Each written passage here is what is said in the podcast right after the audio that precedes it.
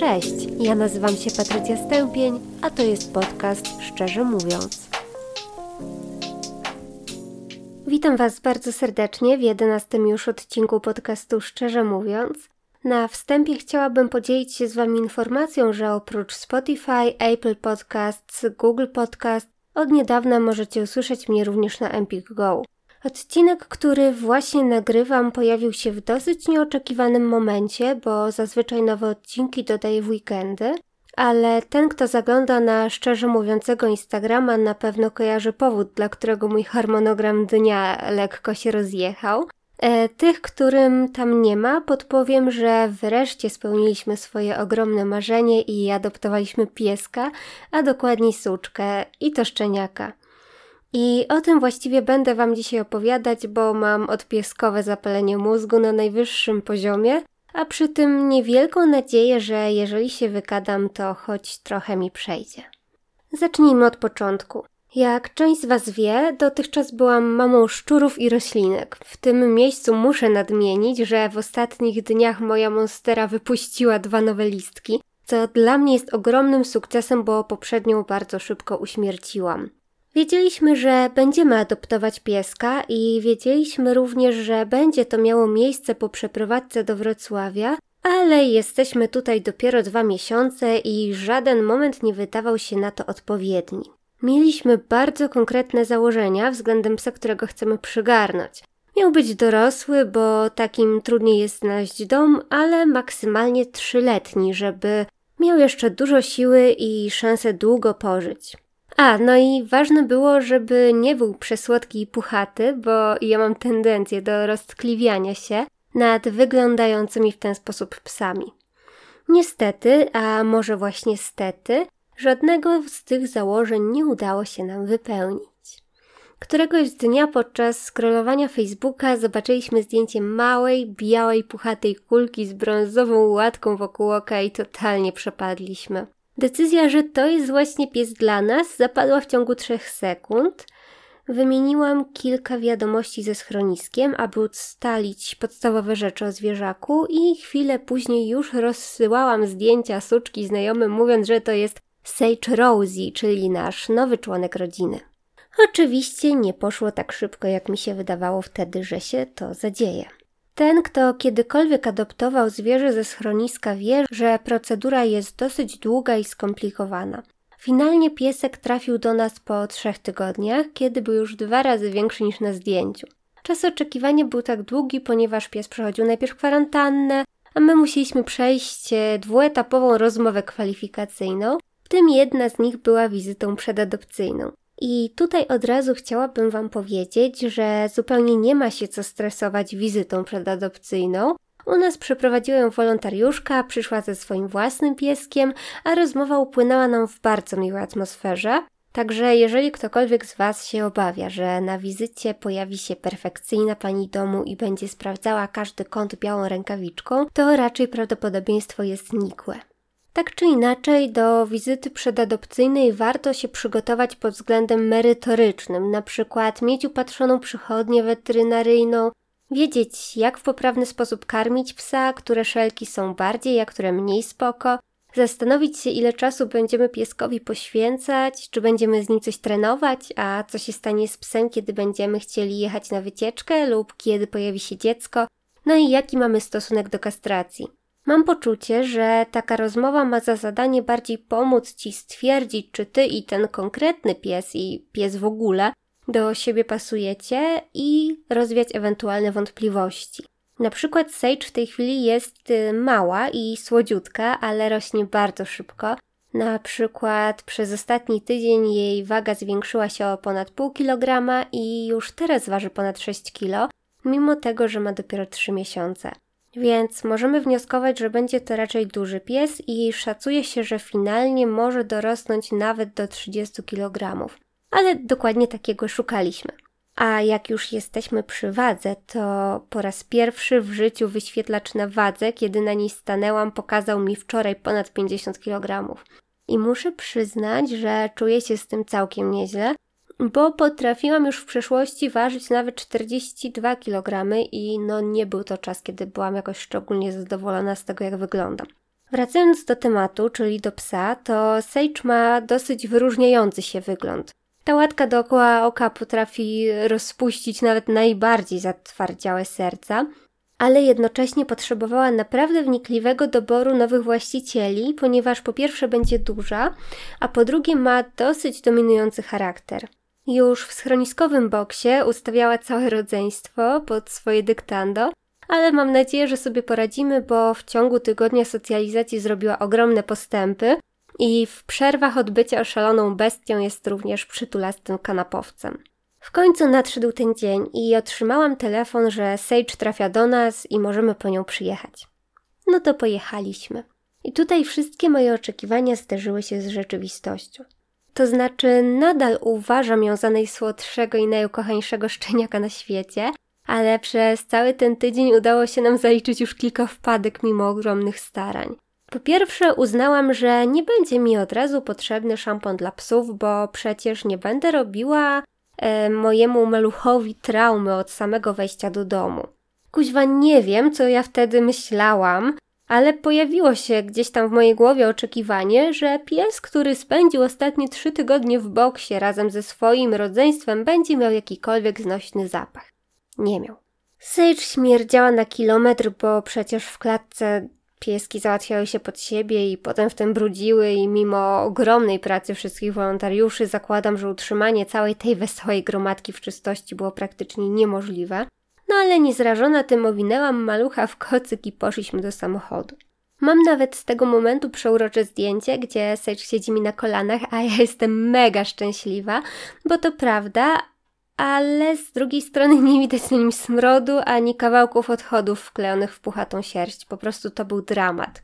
Oczywiście maluch zaraz y, rozpętał się z kocyka i skakał po całym moim siedzeniu niezainteresowany gryzakiem, który dla niego wzięłam. Byliśmy w połowie drogi do domu, kiedy zaczęła piszczeć. No i nie za bardzo mieliśmy jakąkolwiek możliwość zrobienia czegoś, bo byliśmy w centrum Wrocławia, no więc jechaliśmy dalej. Więc trzy minuty później Sage zwymiotowała mi na nogi i na całą moją połowę samochodu w zasadzie. No cóż, jedziemy dalej. Młoda uznała, że żygi wyglądają bardzo kusząco i zaczęła je zlizywać z moich kolan. Przynajmniej było mi ciepło w nogi. Zaraz po przyjeździe do domu zaczęły się igrzyska, czyli kąpanie psa, który nie ma pojęcia co się dzieje, jest zmęczony i dosyć przestraszony. Więc możecie sobie wyobrazić, jak świetna była to sytuacja do budowania wspólnego zaufania. No dobra, myjemy się. Oczywiście nie mam żadnego psiego szamponu, więc myję ją moim. Całe szczęście na co dzień używam delikatnego szamponu dla dzieci, więc nic jej nie było. Niestety okazało się, że fragmenty sierści są do wycięcia, bo są mega sklejone. No i kiedy już mi się to wszystko udało, wypuściłam tę moją zmarnowaną kulkę do salonu. I wtedy okazało się, że psie dziecko nie ogarnia w ogóle przestrzeni i pewnie nigdy nie była w żadnym mieszkaniu. Wpadała totalnie we wszystko, w co dało się wpaść, nie potrafiła wskoczyć na łóżko ani z niego zeskoczyć. Kiedy wyschło, okazało się, że jej zapach tylko minimalnie się poprawił i nadal cały dom śmierdzi brudnym psem. Totalnie nie mogłam tego znieść. Dołóżcie sobie do tego regularne poślizgi w kałużach z psiego moczu. No cudownie. A najgorsze w tym wszystkim było dla mnie codzienne mycie podłogi, bo ja naprawdę nie lubię tego robić i wcześniej myłam ją maksymalnie dwa razy w tygodniu. Oczywiście nie da się jej też umyć, kiedy pies nie jest niczym innym zajęty, bo ganianie mopa to jest dla niego najfajniejsza zabawa. I owszem, próbowaliśmy z podkładami do sikania, ale okazały się też być świetną zabawką do wytermoszenia i ani razu nie zostały wykorzystane zgodnie z przeznaczeniem, więc bez sensu je w ogóle jest kupować. Jedyne co nas ratuje to to, że praktycznie w całym mieszkaniu mamy płytki. Teraz po tygodniu nauki Sage już w miarę ogarnia, że potrzeby tego typu zaspokaja się na dworze i już dosyć rzadko się jej to zdarza w domu. Ale wczoraj nasikała mi na łóżko. Oczywiście na tę stronę, po której śpi jej ukochana mamusia, chyba w wyrazie wdzięczności za swoją wczorajszą wizytę u weterynarza. Tylu ludzi mi zawsze mówiło, że pies nigdy do łóżka nie nasika. No chyba, że im chodziło o psie łóżko, to wtedy się zgodzę. O, a jako, że spora część z Was pewnie słucha tego podcastu na Spotify, to odkryłam super rzecz, którą sobie można w tej apce zrobić. A mianowicie jest to playlista ułożona w taki sposób, aby podobała się jednocześnie Tobie, jak i Twojemu zwierzakowi. więc zrobiłam ją sobie w pierwszym dniu, jak tylko y, Sage pojawiła się w domu i została wykąpana.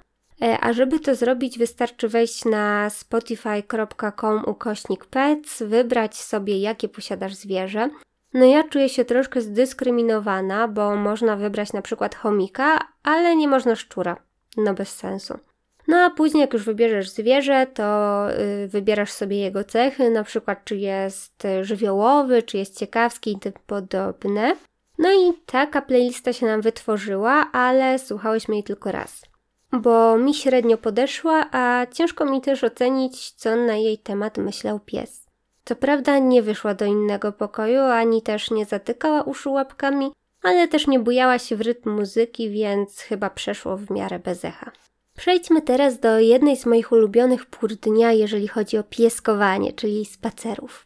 Miałam odnośnie spacerów takie założenie, że będzie to relaks dla mnie i dla psa, będziemy sobie robić wtedy trening czystości, uczyć się nowych rzeczy, zwiedzać miasto, poznawać inne pieski i ich właścicieli. Nie będziemy się też nigdy spieszyć ani wkurzać. No sorry, po tygodniu mogę powiedzieć, że nie wyszło. Chociaż nadal bardzo lubię te momenty i cieszę się, że dzięki temu mam ochotę ruszyć tyłek sprzed Netflixa. Pierwszy spacer mamy w dni robocze o 5.30, a w weekendy pół godziny później.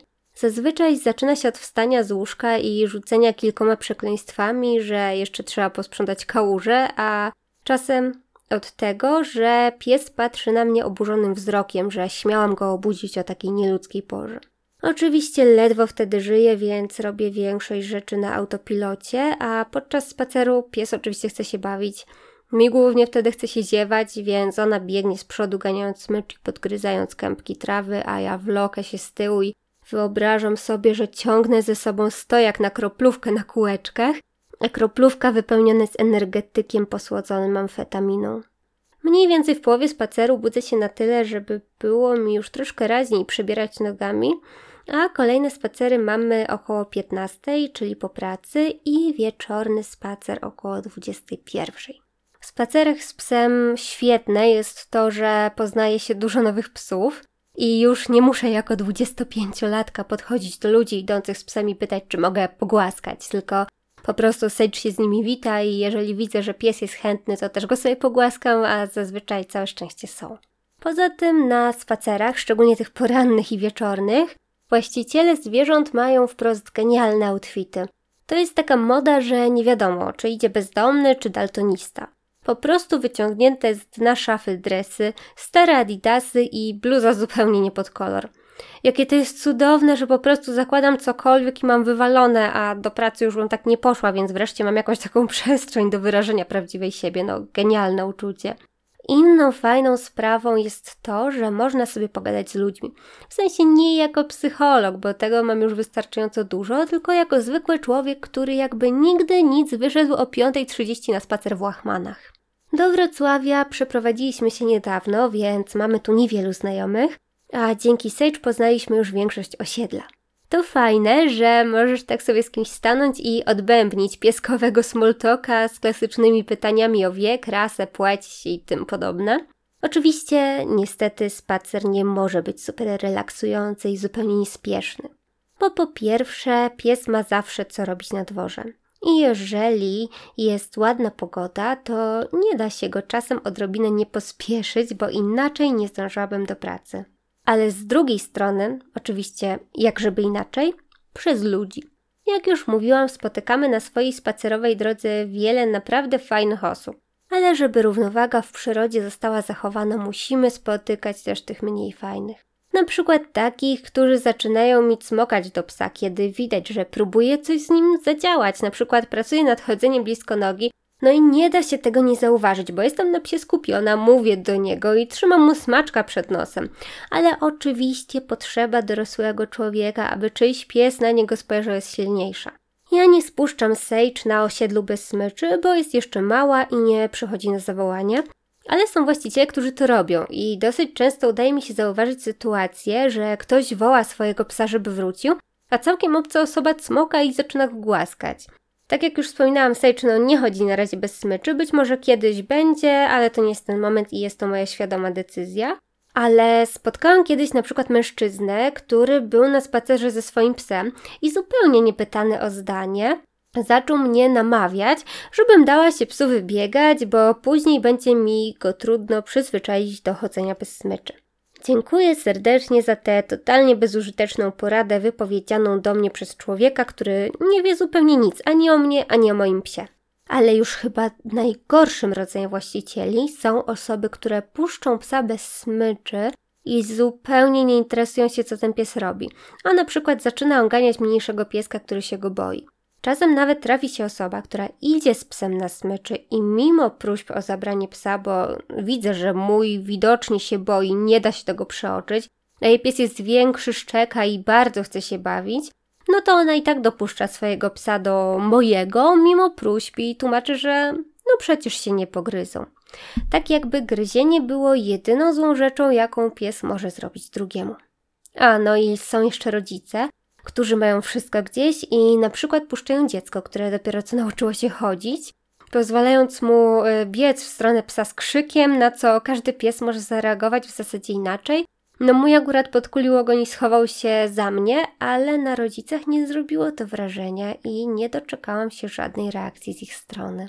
Także tak te nasze perypetie spacerowe wyglądają. Ja na zakończenie swojego pieskowego odcinka Powiem jeszcze tylko, że po tym jak pies budzi mnie każdej nocy od kilku dni po kilka razy, to przychylniejszym okiem patrzę na wszystkie mamy narzekające na swoje wybudzające się pociechy.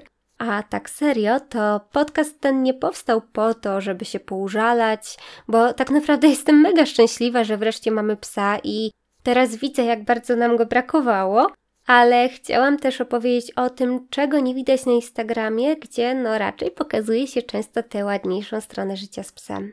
Także do usłyszenia w kolejnym odcinku. Życzę Wam dobrego dnia. Cześć.